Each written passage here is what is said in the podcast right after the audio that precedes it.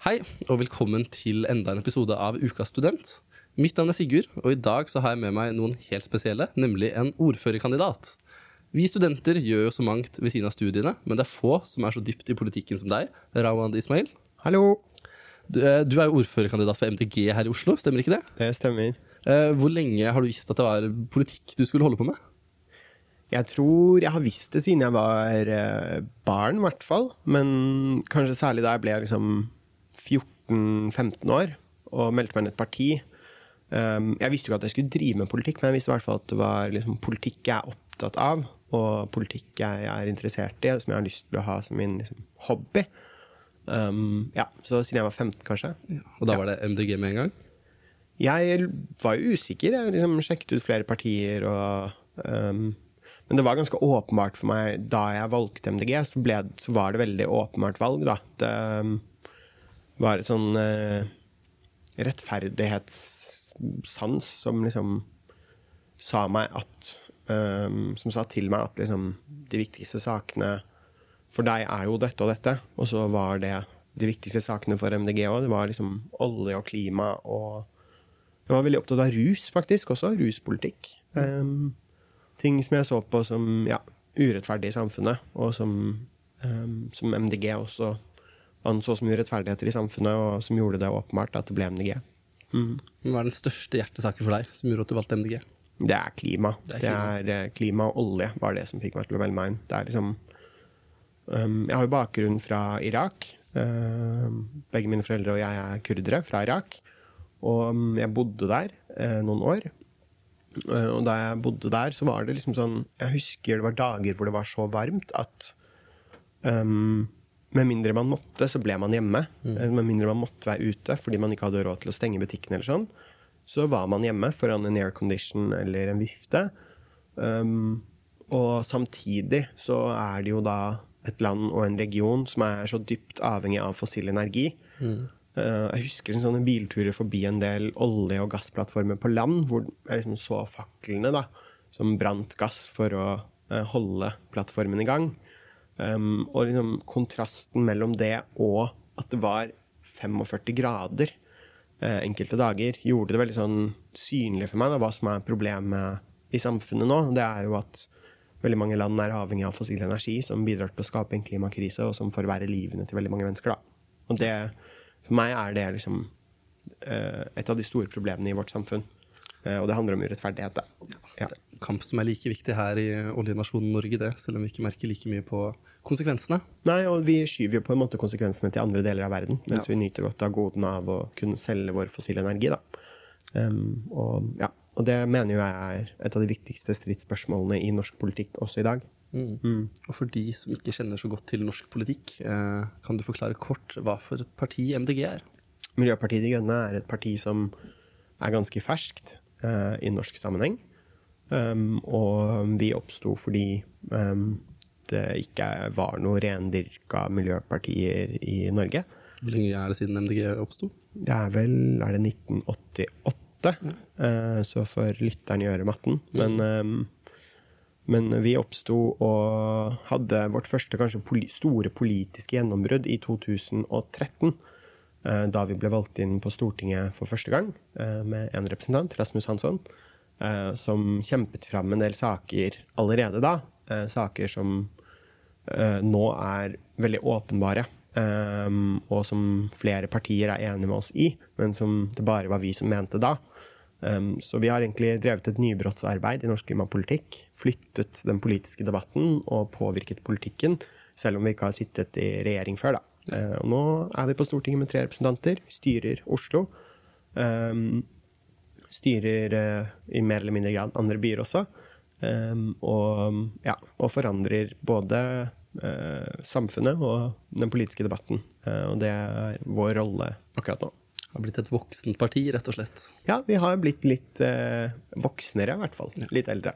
Men et spørsmål som ofte dukker opp når jeg hører om MDG, det er jo er det et venstresideparti eller et høyresideparti? Altså Spørs sikkert hvem du spør, men eh, for meg er det et parti som forkaster de måtene å tenke politikk på. At politikken er ikke et skille mellom de som vil ha eh, økt eller redusert formuesskatt, økt eller redusert eiendomsskatt, økt eller redusert inntektsskatt, som er den klassiske måten å dele partier inn på i Norge i dag. Um, og det viktigste skillelinjen er heller ikke geografi. Det er ikke distrikt mot by. Um, og vi representerer en ny dimensjon i politikken, um, og syns ikke det er så viktig hvilken farge uh, statsministeren har på slipset, så lenge den statsministeren fører en klimapolitikk og en uh, politikk som er bra for mennesker og miljø. og og det er kanskje litt vanskelig for noen å forholde seg til, og det forstår jeg. Man stemmer jo på en statsminister ofte. Man stemmer jo ofte på en side i politikken. Um, men uh, vi avklarer hvem vi har lyst til å styre med. I 2021 så var det de rød-grønne partiene. Sa vi at vi ønsker at Jonas Gahr Støre skal være statsminister, men ikke til enhver pris. Um, og sånn kommer vi til å gjøre uh, de kommende valgene òg. Så er det jo sånn forskjellige steder fører vi en forskjellig uh, samarbeid. Fører vi forskjellig samarbeid. I Oslo for eksempel, så styrer vi jo med venstresida. Um, trives veldig godt med det. Vi pleier å si at vi er et uh, godt ekteskap. um, som vi ikke har noe ønsker om å bytte ut. Ja. Um, og ja, så hvis du stemmer på MDG, så veit du nok hvem vi vil styre med. Men å plassere oss i en gammeldags høyre-venstre-side-skala syns jeg er litt meningsløst. Hvis det skulle vært en skala, da, hvilken skala ville det vært? Vi har kanskje plassert oss litt sånn for til venstre for midten. Eh, Ja, men nå tenkte jeg på Hvis det skulle vært en annen type skillelinje, hvilken skillelinje er det som burde være den viktige politikken som partiene forholder seg til? Fargemessig vil jeg tenke liksom grønn og grå. Ja. Um, det er de partiene som er litt uh, gammeldagse når det kommer til klima, som ønsker å fortsette en politikk hvor vi utvinner fossil energi til så lenge vi klarer å se, uh, og som vil åpne nye oljeplattformer, vil uh, legge på en måte alle eggene våre i oljekurven. Um, og de som ønsker å fase ut oljeindustrien og tenke på nye energikilder og nye ting vi skal jobbe med i framtida. Uh, det mener jeg er det viktigste skillet i norsk politikk nå, da. Og det er jo derfor jeg er i MDG, egentlig. Ja. Ja.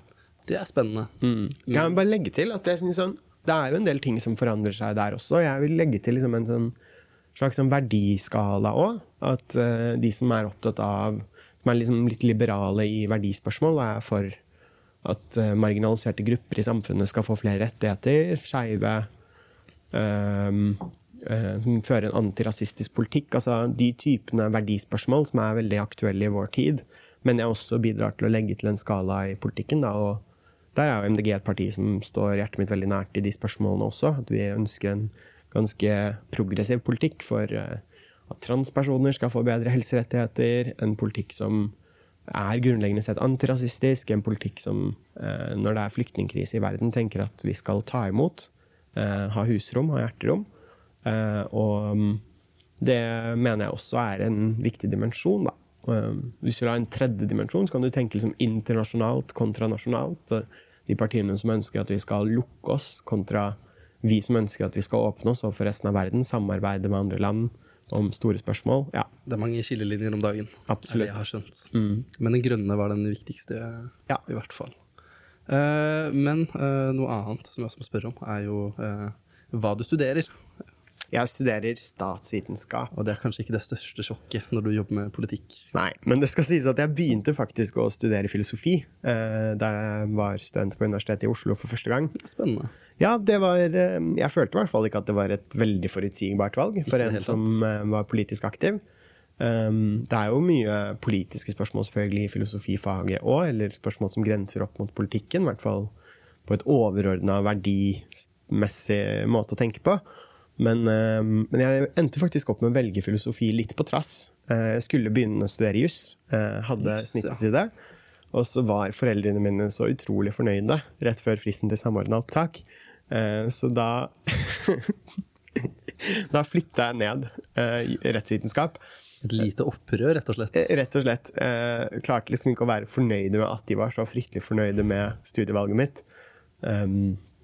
Så, så det ble filosofi. Men eh, det var også delvis fordi jeg Eller filosofi var aktuelt for meg og fordi jeg eh, var opptatt av at politikken eh, kanskje er litt mer svart-hvitt i måten å se verden og samfunnet på um, enn måten jeg tenker på, da. Men føler du da at politikken Eller nei, føler du da at du har fått noe ut av filosofi når du kommer til det å jobbe med politikken også?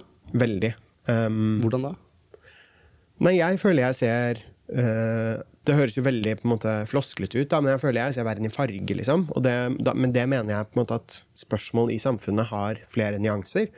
Um, og i en politisk virkelighet som, hvor debatter spisser seg til, uh, hvor nyansene forsvinner litt, hvor uh, evnen til å på en måte kommunisere og finne enighet, kompromisse, gjør seg vanskeligere og vanskeligere, så mener jeg jo det er viktig med folk som ja, folk som ikke nødvendigvis ser alle spørsmål svart-hvitt. Det er ikke sånn ja eller nei for meg. For meg er det sånn ja, men kanskje det også er lurt, eller kanskje litt av det også er lurt. Og det var noe av grunnen til at jeg valgte filosofi. Da, at der tenker man ikke at ideer, eller sånn som jeg opplevde filosofifaget, da, um, så var liksom ikke Ideer kom ikke i klynger. Sant? Det er ikke en sånn klase med druer. Um, det er liksom én drue her og én drue der. Um, og det kan være gode måter å se samfunnet på, og løse problemer i samfunnet på. Da, og tenke at vi plukker litt det som er bra fra, fra ulike måter å tenke på. Um, og det gjør kanskje partivalget mitt også uh, litt uh, mer forståelig. Da, Ja, at, liksom, at vi som parti har vok eller Miljøpartiet De Grønne har oppstått i en virkelighet hvor uh, de klassiske skillelinjene kanskje blir litt mindre relevante. Og da er vi nødt til å se hva som funker i de borgerlige partiene, hva som funker i de rød-grønne partiene, og plukke sammen et eh, politisk program som, eh, som svarer på de viktigste spørsmålene i vår tid, og som ikke er bundet av en svart-hvitt måte å tenke, eller rød-blå måte å tenke eh, samfunn på, da. For meg så høres dette nesten ut som en politisk tverrfaglighet. Ja. Hvor du mikser både litt politikk og fagretninger for å Ja. skape den beste kombinasjonen av forståelse. Ja, og så ble det jo en 40-gruppe i filosofi til slutt, da, Ja. eh, som jeg nå bruker i min eh, bachelorgrad i statsvitenskap. Så det ble jo praktisk nyttig for meg også. Hva er en 40-gruppe? En 40-gruppe det er noe du må bygge opp en bachelorgrad med. Jeg vet ikke om alle bachelorgrader har det, det tror jeg ikke, men de fleste har vel det. Eh, og det er også um, X-Fill, tror jeg, og 30 studiepoeng um, av andre ting. Um, og da, ja For meg var det liksom innføring i etikk, eh, logikk, en del andre emner, da, som um, som er en del av min bachelorgrad i statsvitenskap, som på en måte gjør at min bachelorgrad i statsvitenskap ikke bare er en bachelorgrad i statsvitenskap, men også klarer å se litt ut av på en måte eget fakultet og eget institutt og eget studie, da, og gjøre det mer tverrfaglig. Ja. Ja. Så hoppa du over på statsvitenskap, som Ja. eh, kanskje gir litt mer mening med tanke på karrierevalg. Ja. Var- foreldrene dine litt mer fornøyde med det valget, eller? Ja. Ja, så bra. det føles eh, Og jeg var også mer fornøyd, herregud. Jeg var jo Jeg begynte å studere filosofi rett ut av videregående. Ja. Eh, hadde liksom ikke, jeg følte ikke jeg hadde et sekund fri eh, fra skole. Og jeg likte ikke skole så godt, faktisk. Så, um, så jeg vet ikke om jeg valgte riktig da. Jeg var vel bare 19 år, eller hva man er, når man er ferdig på videregående. Um, men nå er jeg veldig fornøyd. Altså. Jeg kjenner at liksom, jeg har lyst Eller jeg får dårlig samvittighet for å ikke være nok på Blindern. Ikke fordi jeg da tenker at det vil gi meg dårlige resultater, men fordi jeg syns det er gøy å være på Blindern. Eh, og det er en god følelse å ha. Det er gøy å være student, rett og slett. Men eh, så kan vi jo spole litt fram fra studievalg. eh, Og når var det du ble fulltidspolitiker? Det var i 2019. 2019, så det var samtidig, altså. Nei, altså jeg ble vel ferdig på videregående i 2018. 2018, ja. Da ble jeg uteksaminert fra Foss videregående. Jeg begynte å studere på Universitetet i Oslo. Og så, eh, et år senere, var det da eh, valg. Eh, og eh, ja. Og så ble jeg folkevalgt eh, plutselig. Og ble bystyrerepresentant i Oslo. Og så fikk jeg tilbud om å jobbe fulltid eh, med det. Og så ja, droppa jeg ut av studiene, rett og slett. Mm. Hvordan er tilværelsen som bystyrerepresentant? Det er veldig gøy. Det er jo veldig mange som er bystyrerepresentanter. De fleste gjør det på fritida si. Eh, Noen av oss gjør det fulltid, eh, hvis vi har et spesielt verv eller sånn i bystyret. Um, og, eh, og det er veldig gøy. Jeg elsker lokalpolitikk uh, fordi det er så nært at jeg kan liksom gå rundt i nabolaget mitt, og så kan jeg se et eller annet tenke sånn det, det var et vedtak vi fatta i vår bystyregruppe eller i bystyret. uh, og det er virkelig liksom jeg, jeg gikk forbi Blå her om dagen, på Grünerløkka i Oslo, et utested. Eh, og rett ved siden av der så bygges det studentboliger. Det er studentboliger, altså. Jeg har lurt så lenge på hva som bygges der. Ja, det kommer studentboliger, og eh, det husker jeg at vi eh, godkjent i bystyret, da. De kommer til å bli så populære. Ja, eventuelt upopulære. Ja, altså, jeg, det Min teori er at det kommer til å fylles med utenlandsstudenter som ikke vet at det er en sånn Bråkete strøk. helvetestrøk når det kommer til uteliv. Men eh, jeg setter jo pris på det utelivet, da. Så vet jeg ikke personlig om jeg ville bosatt meg Nei. ved det utelivet, men, eh, men det blir veldig fine boliger, da. Men eh, det er liksom sånn at jeg kan gå rundt i byen og se liksom, resultater av politikken, da. Og det kan du i litt mindre grad når du er på Stortinget. Ja. Ja, for eksempel. Eh, men du er jo ganske ung til å ha gått inn i politikken såpass hardt, såpass tidlig. Hvordan er det å være ung i bystyret? Det er uh, gøy og fint. Det er, det er en, vi er en god del folk, egentlig, som er, Som er unge. Som er like gamle som meg, eller litt eldre eller litt yngre. Um, og jeg opplever at vi blir tatt på samme alvor egentlig som de som er eldre. Um, og vi er jo alle folkevalgte og har det samme mandatet da, egentlig fra uh, dere som har stemt på oss. Um, og, men det føles Jeg husker da jeg ble valgt inn første gang, så føltes det veldig sånn uh, alvorlig. Sånn Herregud, vi har fått et mandat fra uh, Oslos velgere til å fatte gode og ansvarlige beslutninger på vegne av dem. Um, og det er litt sånn skummelt ansvar å få på skuldrene i en alder av 19. Aldri et snev av imposter syndrome eller noe sånt? Jo, mye imposter syndrome. Um, men uh, det er liksom ting som jeg har vært nødt til å bare lære meg å leve litt med og jobbe med. Um, jeg føler også bare det å være i politikken i seg selv er liksom at du ja, Jeg kan sitte i et møte og se meg rundt og bare se masse liv som er veldig forskjellig fra mitt eget. da. At det er litt sånn Det kan være i deler av politikken i hvert fall, litt sånn øvre middelklassetendenser, og det er jo ikke det jeg kommer fra, liksom. Eh, og det er ikke det jeg er vant til, og det gjør at man bare må tilpasse seg det, da, i at jeg har måttet tilpasse meg det, og bare, ja, forstå at jeg har et viktig bidrag inn i politikken. Mitt liv er et viktig bidrag inn i politikken. De erfaringene jeg tar med meg, den kunnskapen jeg har. Og husk at jeg er blant de mest erfarne av de som sitter i bystyret, fordi jeg har drevet med politikk i så mange år, da, til tross for min unge alder. Kult. Mm. Eh, det føles litt som en klassereise. Du du snakka om at det var litt sånn middelklasse-tendenser. Ja, jeg synes det er sånn kleint å kalle det en klassereise, men det er jo Men ja, jeg kommer fra en arbeiderklassefamilie, liksom. Og, um, og har ikke vokst opp med liksom, fryktelig god råd. Og eh, det gjør at ja, at politikken ofte føles Og jeg tror ikke Det er jo mange som har det sånn i politikken, tror jeg, men eh, jeg tror sånn grunnleggende sett så føles det ikke som om jeg skal sitte i et rom og ta avgjørelser, da. Um, og det jeg, har jeg måttet lære meg at, eh, at det er meningen, fordi folk har valgt meg til det. Ja. Og de har fått vite hvem jeg er. Altså, jeg føler jeg har brettet ut mitt liv og min erfaring og min kunnskap, og så har jeg blitt valgt til å gjøre den jobben, og det må jeg huske på, da. Og det må alle andre også huske på. Det må føles så utrolig deilig å få den tilliten. Ja, det er jo en selvtillitsboost på mange måter. Det burde jo bare, egentlig bare kurere imposter syndrom med en gang, det, altså. Ja, det gjør ikke det. Det krever noen eh, individuelle tankeprosesser også. Så nevnte du jo Stortinget også. Du har vel sittet der litt òg? 100 dager, var det det? 107, 107. hvis jeg sier riktig. Ja. Uh, ja, nei, satt du som vara for For Lan Marie Marie Berg. ja. Ja. Det var en sykemeldteperiode. Um, det var uh, forbanna gøy, det, altså.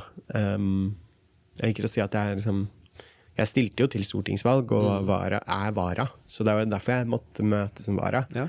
Men uh, jeg, har, jeg har tenkt litt Det må jeg få lov til å si. Jeg har tenkt litt Det er deilig at, det bare, at jeg bare gjorde det i 107 dager Nei. i første omgang. Um, eh, det var eh, en veldig veldig hektisk periode jeg kom inn i. Det var liksom strømkrise, eh, og Ja. da var jeg nestleder i energi- og miljøkomiteen på Stortinget. Um, og så var det statsbudsjett, eh, og det har jo ikke jeg laget før. Eh, og så var det pendlerboligsakene, som jo liksom la en demper på um, mitt forhold til politikken. Og jeg syns det var så skammelig, da. Um, og så var det krigen som, uh, som lå over, og som eskalerte idet jeg var ferdig, da. Mm. Uh, men så det var liksom tung Og pandemi, ikke minst. pandemi. Det var den siste runden med nedstengning den vinteren. Og alle disse sakene føltes veldig veldig alvorlige. veldig, altså, Det var jo saker som påvirket folks liv veldig. Um, så det ble veldig lange dager uh, og netter. Um, og det, jeg vet ikke om folk vet det, liksom, men det er jo ofte stortingsrepresentanter liksom tar trikken hjem alene. Den aller siste trikken som går, litt over klokka 01.00, da er de ferdige i stortingssalen, liksom. Uh, og sånne dager var uh, deilig å ikke ha noe flere enn 107 av. Ja. Men det var veldig gøy, og jeg har fått uh, erfaringer og kunnskap fra det som, som jeg aldri kommer til å glemme, egentlig. Ja. Jeg er jo ikke noe misunnelig på de som sitter i regjering nå, akkurat. For det virker ganske stress å skulle nøste opp i alle de flokene som eksisterer både i internasjonal og nasjonal politikk. Ja, altså stress tror jeg bare er fornavnet for, eh, for hva det er. Altså. Det, og vi har jo på en måte, eller i hvert fall generasjonen du og jeg tilhører, har jo egentlig ikke opplevd krig i vår del av verden før. Um, våre foreldre er kanskje det, eller våre besteforeldre eller oldeforeldre, men vi har jo ikke det. Og det Ja, jeg tror liksom Vi kommer nok til å uh, tenke annerledes på uh, vårt forhold til verden og vårt forhold til politikk uh, etter dette, da. Ja. Ja. Men det å være ung på Stortinget, var det Mm. annerledes enn å være ung i bystyret? Ja, det syns jeg. Um, på Stortinget så uh, Altså, i bystyret er det liksom en litt mer sånn nabolagsfølelse. Um, på Stortinget så føles alt veldig, veldig alvorlig. Um, og når du går rundt i gangene der, så ser du liksom portretter, malte portretter av uh, hvite, gamle menn. som har vært stortingspresidenter, og som har vært konger. Eh, og jeg tror det liksom bidrar til en litt annen følelse, da. Um, og man har Eller jeg hadde enda mindre til felles med mine medstortingsrepresentanter enn jeg hadde med mine bystyrerepresentanter. Ja. Bystyrerepresentanter, Vi bodde i det minste i samme by. Eh, Her var det jo folk fra hele landet. Um, folk som var veldig annerledes fra meg. Um, vi har vel bare sånn ti personer, tror jeg, med minoritetsbakgrunn. Et storting som består av 169 personer. Er det så få? Ja, det er ikke så mange, i hvert fall. Um, og det um, Ja, nei, det føltes litt mer fremmedgjørende, uh, egentlig. Og det krevde litt mer uh, tankearbeid. Det høres ut som Stortinget er litt mer inngrodd i sånne gamle tradisjoner, eller sånn det alltid har vært. Kanskje Ja, mer en bystyre som flyter litt mer? Ja, og det lukter liksom litt gammelt òg, hvis du skjønner. Det er en sånn eim av sånn um, Gammel hvit mann? Gammel hvit mann slash dame, men også den stortingskantina som bare Det lukter liksom noen norsk tradisjonsmat fordi de faktisk serverer norsk tradisjonsmat der. Uh, og det, hele stemninga der er liksom noe annet da enn Oslo bystyre. uh, og som gjorde det litt mer skummelt og ja, litt mer fremmedgjørende, kanskje. De trenger en kantinereform, rett og slett. Rett og slett. Ja, rett og slett. Eh, og så lurer jeg litt på hvordan er forholdet mellom eh, unge i politikken? Jeg føler det virker som det kan bli, bli litt sånn opphetede diskusjoner, kanskje spesielt mellom de unge. Men er det sånn at man går og tar pils sammen og har det hyggelig etterpå, eller er det Ja, altså Jeg mener jo at det egentlig er styggere debatter blant de voksne, eller voksne da, i gåseøynene, de litt eldre i politikken. Um, tror mange av de beste debattene jeg har sett, liksom, politiske debatter, har vært mellom ungdomspolitikere eller unge politikere. Um, så vet jeg ikke om det er en sånn at uh, vi som er unge i politikken i dag, kommer til å bli sånn som de som er gamle i politikken i dag når vi blir gamle. Det vet jeg ikke. Men uh, men mellom unge politikere er det stort sett grei stemning. Um, jeg har jo ikke så mange venner i politikken, egentlig, og det er jeg litt glad for. Jeg er ikke Ja. Um, jeg, vil, jeg vil gjerne ha liksom mine vennskap og mitt privatliv utenfor politikken. Um, Det kan jeg skjønne. det, ja. Um, men, eh, men det har absolutt hendt at jeg har drukket øl med ja, politiske kollegaer etterpå og hatt en veldig sånn fin og grei tone. Jeg føler jeg aldri har vært liksom irritert på en sånn uh, på en annen ungdomspolitiker eller en annen ung politiker før. Nei, okay. Du har ikke noe politisk eh, nemesis eller erkerival eller noe sånt?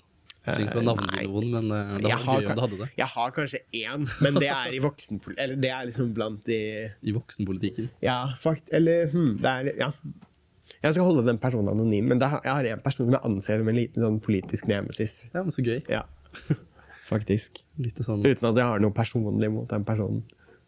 Du får politikken til å høres litt ut som et Pokémon-spill. Det synes jeg syns jeg er bra, da. Hvis man tenker på det som et Pokémon-spill, så virker det kanskje litt mindre skummelt. Så absolutt. Eh, Men hvem er det du ser opp til i politikken? For det må jo være ganske mange karakterer som har kommet før deg, som du tenker åh, dette mennesket har jeg lyst til å leve opp til. eh, Eller bli som, eller gjøre som, eller ja. bare ser opp til? Jeg vet ikke om det er arrogant å si, men jeg har ingen forbilder i politikken. Nei, du har ikke det? Nei, det er ingen som jeg tenker sånn Jeg har lyst til å bli som deg.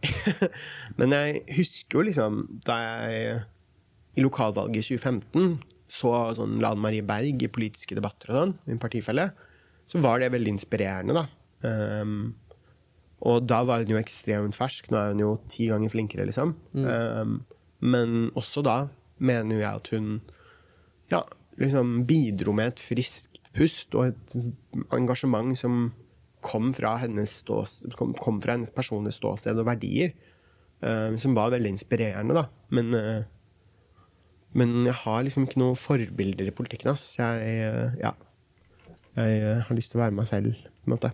Det er jo behagelig, det òg. Da slipper du følelsen av å måtte hoppe etter Wirkola, som uh, det Ja. urnorske begrepet sier.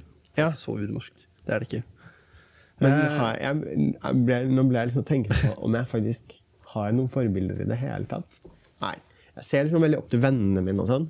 Eh, som føler menneskene jeg omgir meg med, er så smarte og lærer meg så mye og inspirerer meg så mye liksom, i hverdagen. Eh, og det er liksom det jeg tar med meg inn i politikken. på en måte. Ja. Gir det mening? Ja, det gir mening. Føler du deg inspirert av vennene dine? Eh, Så absolutt. Ja. Jeg føler at jeg har mange venner som gir meg mye. Gir Mm. meg mye sånn nye innfallsvinkler og hjelper meg med å være en bedre meg. Ikke sant? Ja, sånn føler jeg det òg.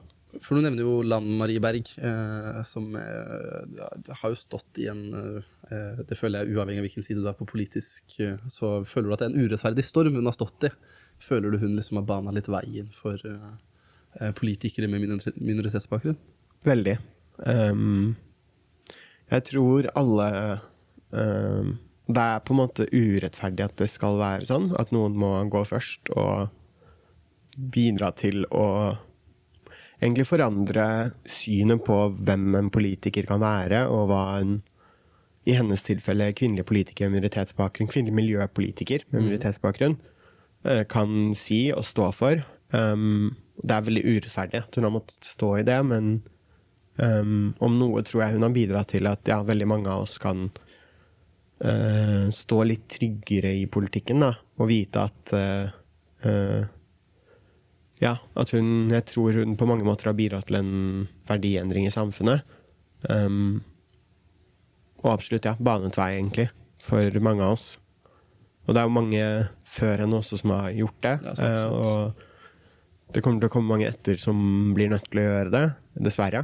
Men, eh, men ja, det tror jeg. Jeg håper i hvert fall eh, stortingspolitikere, uansett hvem de er, eh, kan få barn uten å hetses for det i fremtiden. For det syns jeg var utrolig kjipt å følge med på, Ja. hele den saken der. Mm. Og så er det et litt mer lystig spørsmål om Stortinget. For jeg har Ja. faktisk hørt rykter om Jeg har vært på sånn studentnasj, som det kalles. Eh, har du hørt om det før? Nei. Eh, Det er sånn politisk eh, ja, lavterskeldebatt som studenter skal møte opp på. Hvor det var eh, unisont enig fra begge sider av bordet eh, om at eh, Senterpartiet har de beste nasja på eh, Stortinget. Stemmer det, i din erfaring? Skal jeg avsløre noe? Jeg tror ikke jeg har vært på en eneste fest med stortingspolitikere. Det var kanskje Så- korona ennå? Jeg kan verken bekrefte eller avkrefte det. Det var litt korona, men jeg tror også bare sånn Jeg er ikke Uh, Jeg syns det er litt kjedelig å feste med politikere, jeg. jeg uh, liker litt andre ting. Uh, liker å dra på klubb med venner og sånn. Ja. Eh, så hvis jeg hadde stått i valget mellom Nasjonal Senterpartiet og eh, klubben, køen til en eller annen klubb, så tror jeg det var sistnevnte. Køen, ikke klubben, altså. Jo, klubben selvfølgelig, men det er jo ofte at man først, står i køa. Ja. Ja. Nei, men eh, jeg kan skjønne det litt. ja. Eh, ja. Men det kan, godt, det kan godt stemme. Det hadde ikke overrasket meg eh, om det hadde vært høy føring av, eh, av alkoholholdig drikke og god stemning. De har med heimerten, de, vet du, Senterpartiet, ser jeg for meg. Det forstår for deres regning. Men uh, nå spør jeg dette spørsmålet, selv om jeg Mm. føler jeg vet svaret allerede. Uh, hva kommer først, politikken eller studiene? Det er nok politikken, altså. Um, jeg har alltid, tror jeg, ansett studiene som et slags sånn redskap. Uh, I mitt liv, i hvert fall. Eh, ikke liksom et mål, men et verktøy, liksom. Um, men en ting som har forandret seg litt, og det kan hende Det kan ha noe å gjøre med at jeg har modnet også, på en måte, siden første gang jeg studerte. Eh, men nå setter jeg så utrolig mye mer pris på studiene. Um, når jeg er i et seminarrom for eksempel, og diskuterer med medstudenter, så føler jeg at jeg klarer å fokusere på det og ha hodet mitt der, og ikke tenke at det er noe som skal ja, være et slags verktøy, men at det er noe som faktisk gjør meg til et bedre menneske, eller sånn ja, gangens menneske, da. Ja. Um, så, så, så jeg har nok Jeg setter nok mer pris på studiene nå enn jeg gjorde første gang jeg studerte. Ja. Um, men uh, politikken kommer nok først for min del. Uh, Og grunnen til at jeg trodde jeg visste svaret på spørsmålet, det er jo Mm. fordi jeg på, rett før vi satte oss foran disse mikrofonene, lurte ut av deg at du ikke har helt normal studieprogresjon. nei, jeg har litt sånn den, Jeg bruker den 40-gruppa litt på å utsette noen emner og Den eneste grunnen til at jeg spør om det, er jo for å bare Hva vil du si til de studentene som er litt redde for å falle litt bak på studiene? Vet du hva, det Altså, jeg skulle ønske at det hadde vært enda mindre rigid, men det er ganske lite rigid. Ta 30 studiepoeng i året, liksom, hvis det er det du klarer. Og, ehm, og så er jo jeg på en måte i en privilegert situasjon fordi jeg har en jobb som i tillegg gjør at jeg ikke, ikke får studielån, um, men, eller stipend. Men um, hvis du kan, da, så liksom bruk lengre tid på studiene enn dine medstudenter gjør. Liksom ikke Ja. Det er, altså, de viktigste tingene jeg har lært, har jeg ikke lært i et klasserom eller et undervisningsrom eller i et seminarrom. Liksom. Det har jeg lært av å bruke tid eh, på jobb med venner. Ja. Um, og jeg tror liksom, hvis du tenker at studiene dine er det eneste som skal ta deg et eller annet sted, så stemmer det stort sett ikke. Jeg tror det stemmer for de færreste, med mindre du Helt sjeldent innenfor eh, humaniora og samfunnsfag. Riktig. Trenger man litt mer eh, ting på siden som må Ja. bygge på det. Ja, vær liksom Ja, hvis du har tid Jeg er faktisk i uh, fakultetsforeninga mi òg. Du er det òg? Jeg er det òg. Jeg er i DJ-gruppa. I um, SVFF, som det heter. Men, um, men liksom bruk tid på andre ting, og um, fullfør selvfølgelig, fordi uh, det er å høsle velferdsstaten, egentlig. At vi har den, de mulighetene vi har til å studere og fullføre. Og ikke bruk noe mer tid på studiene enn du trenger, men bruk den tida du trenger, i hvert fall. Hvis du trenger et, år hvor, et halvår hvor du jobber mer og studerer litt mindre, så syns jeg studenter skal gjøre det. Ja. Jeg tror de også lærer ting av å jobbe på en bar eller på en kafé eller sånn.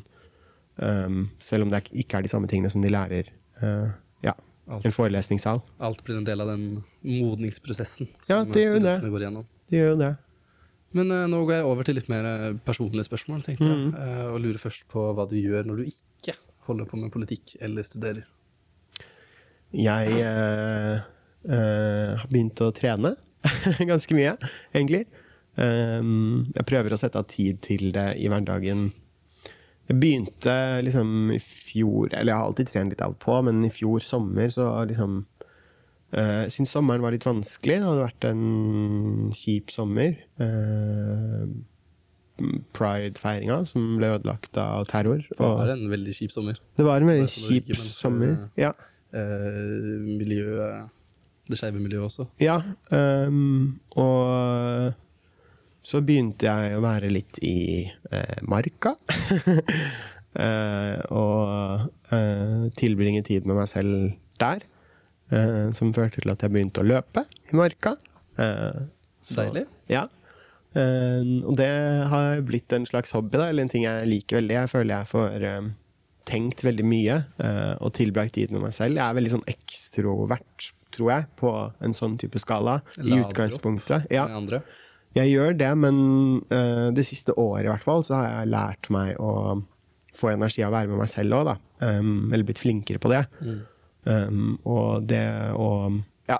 Så trening har blitt en liksom, måte å lade opp på, tenke på, tenke litt fra meg, så jeg ikke sitter liksom, når jeg skal legge meg på natta og får sånn tankevirus. Eh, men at jeg har tenkt gjennom de tingene jeg har lyst til å tenke gjennom i løpet av en dag.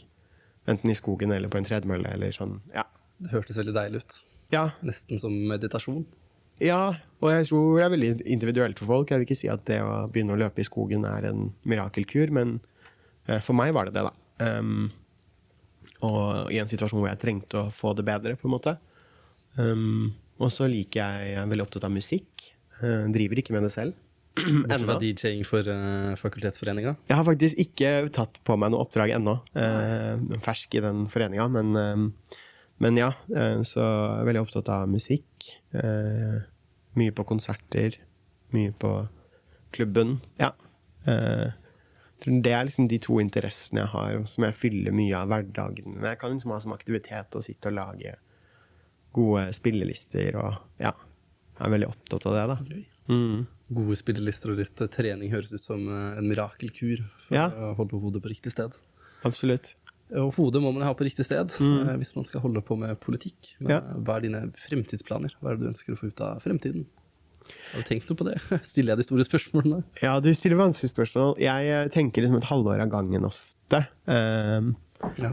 bare fordi jeg ikke liker å tenke noe mer enn det. Jeg liker å liksom kjenne etter hva jeg vil. Og, eh, og så er det én ting som på en måte en sånn slags sånn pisk da, som tvinger meg til å tenke litt mer frem i tid. Da, at jeg må avklare om jeg har lyst til å være ordførerkandidat. Sånne type ting. da, Som plutselig legger planer for et år av gangen. Men um, For det er du jo nå. det er jeg nå. Jeg så det er jeg ordførerkandidat og skal drive ja. Ta litt om også, egentlig. Absolutt. Og det jeg skal drive beinhard valgkamp for å bli ordfører i Oslo, egentlig. Hvordan endte du Eh, opp som ordførerkandidat? Nei, det, um, det er jo um, Sånn er det i politikken. Plutselig befinner man seg i en nominasjonsprosess, og så eh, er man ordførerkandidat for et parti, og så blir man valgt av partiet sitt. Så gjenstår det å bli valgt av velgerne um, og få tilliten fra folk. Um, men så må man faktisk etter det igjen også få tilliten fra bystyret, da, eller det organet man har blitt valgt inn i. Så det er mange ledd. Det er mange ledd. Det er, Bare få den tilliten av eh, partiet selv må jo være kjempegøy. Ja, det en eh, Det betyr veldig mye og er en veldig eh, tillitserklæring som jeg tar til meg, og som jeg er opptatt av og Ja, som jeg har stor respekt for, da. Um, og som jeg går inn i med ganske mye ærefrykt, egentlig. Um, men um, Så det legger jo litt sånn demper på alternative planer jeg måtte ha. Men jeg har liksom noen ting jeg har lyst til å gjøre i livet. Det ene er å bo litt et annet sted.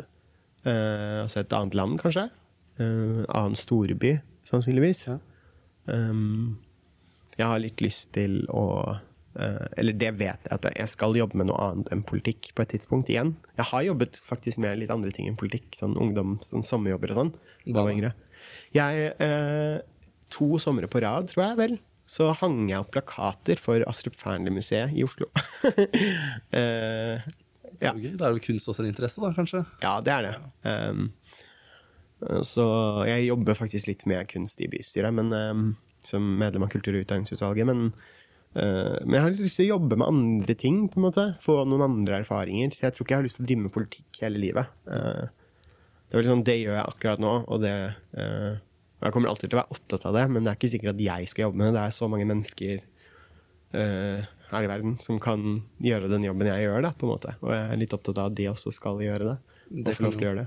bli noe man ser litt mer i fremtiden. Man ikke bruker årevis på å bygge opp karakterer og tviholde på de gjennom hele deres uh, arbeidskarriere, men slipper til litt nye folk litt oftere, tror jeg. Ja, det er min plan, i hvert fall. Ja. Hvis jeg har en plan. Politikken blir litt mer eh, At man kan komme seg litt fortere inn og litt fortere ut av den, eller ja, bytte på litt mellom det der. Ja, og så har jeg jo valgt et litt sånn rart liv, og det er ikke sikkert jeg har lyst til å ha det rare livet uh, hele tiden, da. Men du har ikke noe drømmejobb sånn uh, utenfor politikken, da? Nei. Utenfor ordfører, det er vel kanskje drømmejobben akkurat nå? Ja, den må jo liksom være litt det. Selv om jeg ikke akkurat kjenner at det er drømmejobben hver eneste dag, må jeg innrømme. Men, uh, men det er det jeg skal prøve å bli, og så får jeg se hva annet jeg skal bli. Jeg, eh, så lenge jeg får jobbe med noe annet enn politikk på et eller annet tidspunkt i livet, så blir jeg fornøyd. Ja. Og så har jo jeg bedt deg ta med noe, sånn som vi ofte ber gjestene. Ta med noe personlig, en eiendel som betyr noe for deg. ja. Og da lurer jeg på, hva har du tatt med i dag? Jeg har um, et armbånd som jeg har, uh, som er på hånda mi. Uh, og jeg har liksom en ting med smykkene mine. Det høres ut som jeg går ut med veldig mye smykker, det gjør jeg ikke. Men jeg har liksom ringer i ørene og ofte en ring på hånda, og ofte, eller alltid egentlig, dette armbåndet. Eh, og grunnen til at det armbåndet er viktig, er at jeg kan beskrive det, er et sånn sølvarmbånd. Eh, veldig enkelt. Det skal egentlig henge på ankelen, men jeg tror jeg Ankelbånd? det er egentlig et ankelbånd. Jeg, jeg tror jeg har litt for stor Jeg har ikke prøvd den, jeg tror jeg har litt for store ankler for den, men den henger i hvert fall rundt min høyre hånd. da. Eh, og det armbåndet betyr eh, ganske mye for meg, fordi jeg legger litt sånn merkelige affeksjonsverdier i smykkene mine. Eh, og jeg tror grunnen til at jeg gjør det Jeg har også gjort det med et par sko som jeg har. Og grunnen til at jeg gjør det, er fordi at de er med meg på så fryktelig mye rart. Sånn som eh, dette armbåndet har på en måte vært med meg eh, når jeg har vært stortingsrepresentant. Eh, det har vært med meg eh, gjennom minst én valgkamp. Eh, det har vært med meg på eh, en av verdens mest kjente nattklubber. det har eh, vært med meg når jeg har vært veldig lei meg, når jeg har vært veldig glad. Um, og, eh, og det gjør at det får en veldig sånn ja, spesiell plass i livet mitt. Eh, så når jeg bærer med meg den, så liksom husker jeg på en måte ting jeg har gjort. eh, både på godt og ondt, som jeg er glad for at jeg har gjort, og som jeg er glad for at har gitt meg eh, ting å tenke på, og eh, som egentlig er erfaringer som har gjort meg smartere. da. Det høres veldig pent ut. Ja. Uh, og jeg kjenner meg igjen i det, for jeg hadde et smykke som var min tippoldemor sitt, Mm. som jeg nylig mistet. Og da mista jeg ikke bare et smykke fra tippoldemoren min, men også et smykke jeg hadde brukt gjennom en ganske lang periode. Ja.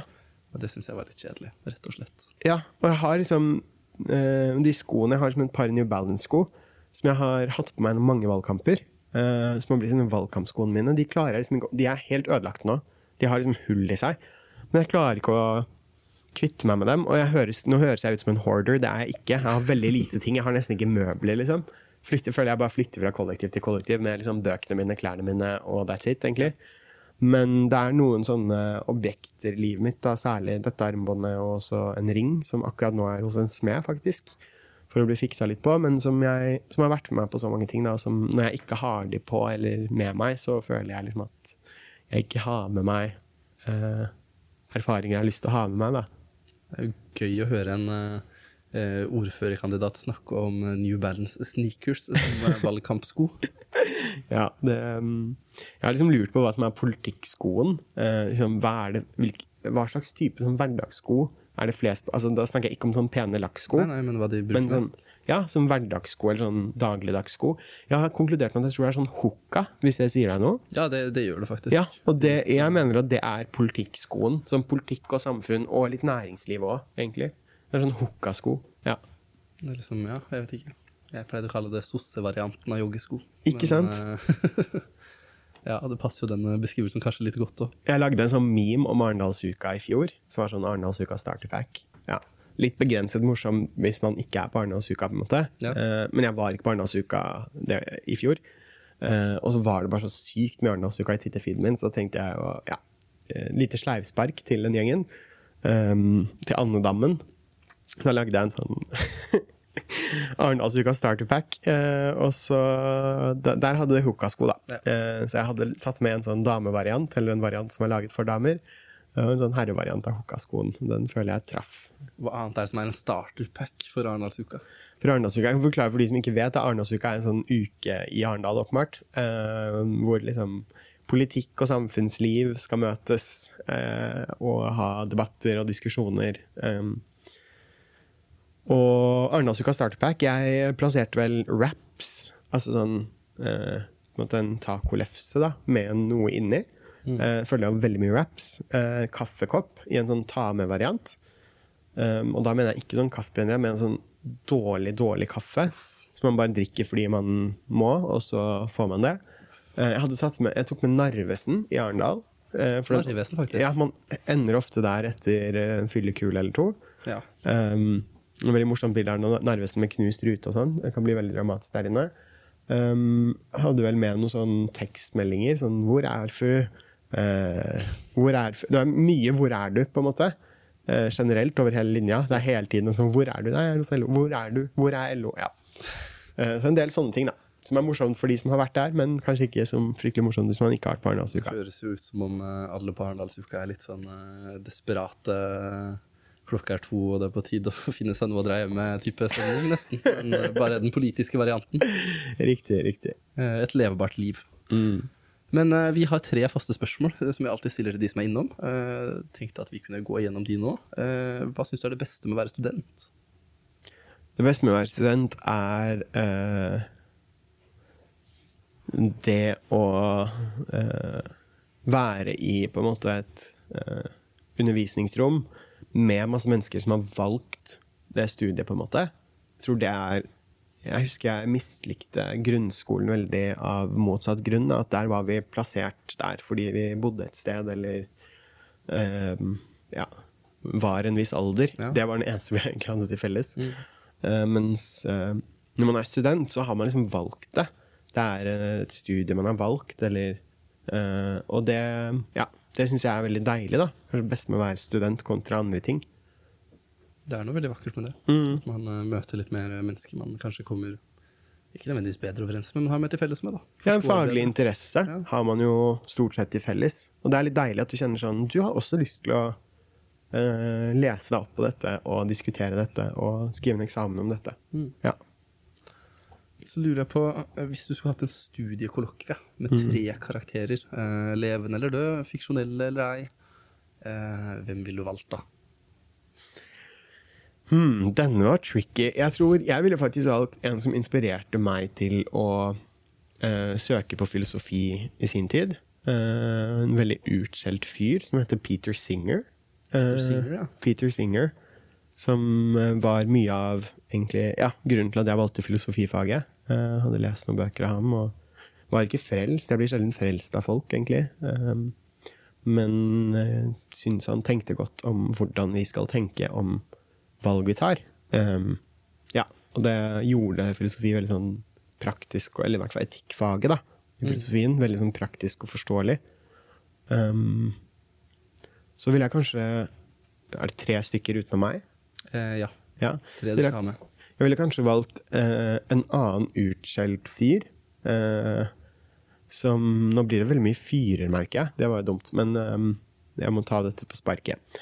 Um, Ole Martin Moen, som også lever, og som også um, tenker litt på samme måte som Peter Singer, kanskje, men som er kverulant nok til å innta djevelens advokatrolle. Det trengs ofte i en kollokviegruppe. Ja, han er kjent for Han er kjent for mange ting, men han er en såkalt transhumanist. Uh, han er vel professor i Jeg er litt usikker på akkurat hva han er professor i, men professor ved uh, Oslo OsloMet, tror jeg kanskje.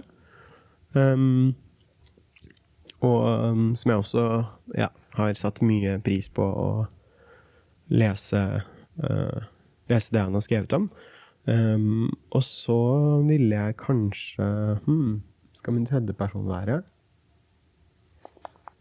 Kan være hvem som helst. Mm. Snurre sprett, for den saks skyld.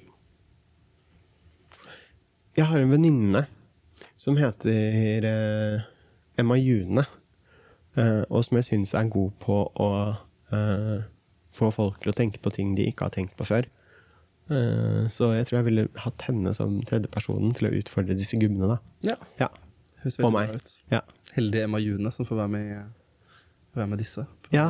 kollokviet. Han hadde sikkert revet av seg håret, men eh, det er jeg som bestemmer som skal være med i kollokvien.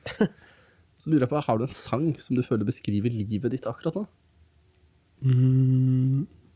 Ja, det har jeg. Hvilken da? Eh, det er en sang som Jeg er faktisk litt usikker på hva artisten heter, men det kan jeg jo finne frem. Men den her har jeg hørt ekstremt mye på det siste Det siste er en sånn som hyperfikserer på enkelte sanger, altså. Ja, det gjør jeg. Ja. Um, sangen heter Na Na Na. Av, av en artist som heter Mitze Conte, da. Ja. Um, så det kan man eh, Mi- skrives M-I-E-T-Z-E, og Conte skrives C-O-N-T-E. Og så heter sangen Na Na Na Na. Det er Hva handler den om? jeg tror ikke den har noe sånn handlingsforløp, Nei. men uh, det er en eh, ja, sånn elektronisk låt som, eh, som gir meg veldig mye energi om dagen. Da. En såkalt banger. En banger i mitt liv, i hvert fall. Jeg vet ikke om det er i banger i så mange andres liv. Jeg ser at den har um, ikke så fryktelig mye avspillinger på Spotify, så det er bare å gå og øke de avspillingene. Ja. Ja. Og så lurer jeg på om du har noen tips til studenter som har lyst til å begynne med politikk. Det første tipset tror jeg er å eh, melde deg inn i et parti. Og det Hvordan velger man parti, da? Hvordan velger man parti? sant? Hvordan var det jeg valgte parti, da, hvis jeg skal tenke tilbake på det? Jeg um, gikk jo litt inn på nettsiden til de ulike partiene, sjekket Instagrammen og Facebooken. Prøvde å forstå hva som var liksom de viktigste sakene for dem. Um, Og så tror jeg sånn, hvis politikken er riktig for deg, hvis det er et riktig sted å være for deg, så finner du fort ut av hvilket parti du liker, av å følge litt med på den politiske debatten og ja, oppsøke litt. Um, hvis du er ordentlig engasjert, så ville jeg kanskje dratt på liksom et medlemsmøte eller sånn, uh, som partiene ofte har oppgitt i kalenderen på nettsida si. Uh, og bare dra og lytte. Det er ofte åpne møter. Um, men, uh, men, hvis du har lyst til å drive med politikk, så er veien til det også ganske kort. Men da må du liksom melde deg inn i et parti. og være litt, i hvert fall. Trenger ikke være helt sikker, men være litt sikker på at det er det partiet du er mest enig med. Ja. Uh, og så, ja, så du må liksom fysisk melde deg inn, betale kontingenten, som ofte er på sånn 150 kroner eller sånn. Uh, og ja, delta på møter og gjøre deg kjent med de andre folka i det partiet. Og si at du har lyst til å ta på deg et verv eller et engasjement hvis du har det, og har tida veien til det. Mm. Jeg skjønner ikke hvordan andre studenter skal ha det, men jeg har jo klart det på et eller annet mystisk vis. Så for noen så går det, rett og slett. For noen så går det. Um, så lurer ja egentlig på om du har noen råd til de som eh, For nå er det jo sånn at unge er kanskje de som er dårligst til å stemme. Mm. Eh, hva har du å si til de som eh, ikke har satt seg inn i politikk? Unge er kjempedårlige til å stemme. Og de som er flinkest til å stemme, det er de aller eldste. Så ja. det kan man jo tenke på. Føler man at man er mest enig med de aller eldste i samfunnet? Hvis man ikke er det, så ville jeg virkelig dratt til stemmeurnene. Men jeg tror liksom en ting, en ting jeg kan si akkurat nå, ja er eh, meld flytting. Eh, til, du, Oslo. til Oslo. Ja. Eller til Trondheim, der, hvis det er der, der, ja, der, du bor. Bare meld flytting, liksom, med mindre det av praktiske årsaker gjør ting vanskeligere for deg. Men eh, jeg syns jo det er fint jeg, å betale skatt i sin kommune som man selv bor i, og ikke til en eller annen kommune uh, som man kanskje er fra, eller sånn. Um, og hvis du har gjort det, så kan det jo stemme også i den kommunen. Altså sånn studentene i Oslo som ikke er registrert her, men som, hjem, som kan stemme her, herfra, men de ender opp med å stemme på partiet i hjemdistriktet sitt, da, eller hjemkommunen, hjemfylket sitt. Eh, de får jo ikke noen goder av, eh, av, stemmen sin. sant? De forbedrer kanskje eller forverrer kollektivtransport alt ettersom hvilket parti de stemmer på i sin hjemkommune eller i sitt hjemfylke. Mm. Uh, mens uh, de ikke ender opp med å ja, stemme på MDG hvis de vil ha billigere kollektivtransport i Oslo fikk jeg dratt i en lille valgkamp. Liten valgkamp. Liten valgkamp. Men uh, Og um, bare liksom Ja, husk at Jeg vet ikke, jeg kjenner at politikken føles litt uh, Det er litt mer som står på spill akkurat nå, liksom. Mange har veldig mye dårligere råd nå. Uh, det er en krig, som også er i vår del av verden. Jeg tror sånn politisk engasjement og deltakelse trengs mer enn noen gang. Og det aller minste man kan gjøre, det er å ja, avgi en stemme, da. Ja. Um, og det er liksom Ja, jeg mener jo at man har rett til å klage uavhengig av om man har stemt, stemt eller ikke. Men hvis man ikke har stemt, så har man i hvert fall ikke prøvd å gjøre noe som helst med, eh, med en politikk man er uenig i. Og det er veldig dumt. Og så kan man kveie det litt tyngre hvis du faktisk har stemt også, ja. Ja, eller jeg som politiker så tar jo jeg en klage fra en som ikke har stemt på like stort antall som en som har stemt. Det er jo kritikk av systemet, det òg. Ja, selvfølgelig. Um, men jeg bare um, Det er så forbanna lett å stemme da. Ja. Du går inn i et Altså i Norge, jeg tror blant de land i verden hvor det er aller lettest å stemme. Du trenger ikke å gjøre en dritt, liksom. Du må bare ha med deg identifikasjon, dra til et stemmelokale, og så bare velge partiet, og så liksom krysse folk du liker da, og så Sjelden noe kø i Norge heller. Så... Nei, jeg tror ikke jeg har stått i kø for å stemme eneste gang. Ja. Så det er liksom Stem, herregud. Ja. Selvfølgelig skal man stemme. Ja. Det er et fint råd. Ja. Og da gjenstår det egentlig bare for meg å si uh, lykke til med valgkampen. Takk. Det blir gøy. Det blir spennende, og så håper jeg ser deg på stand et eller annet sted i Oslo uh, ja. i perioden fremover. Eller så ses vi kanskje på Blindern. Eller på, i køen til klubben. Ja, men takk for praten. Takk for praten.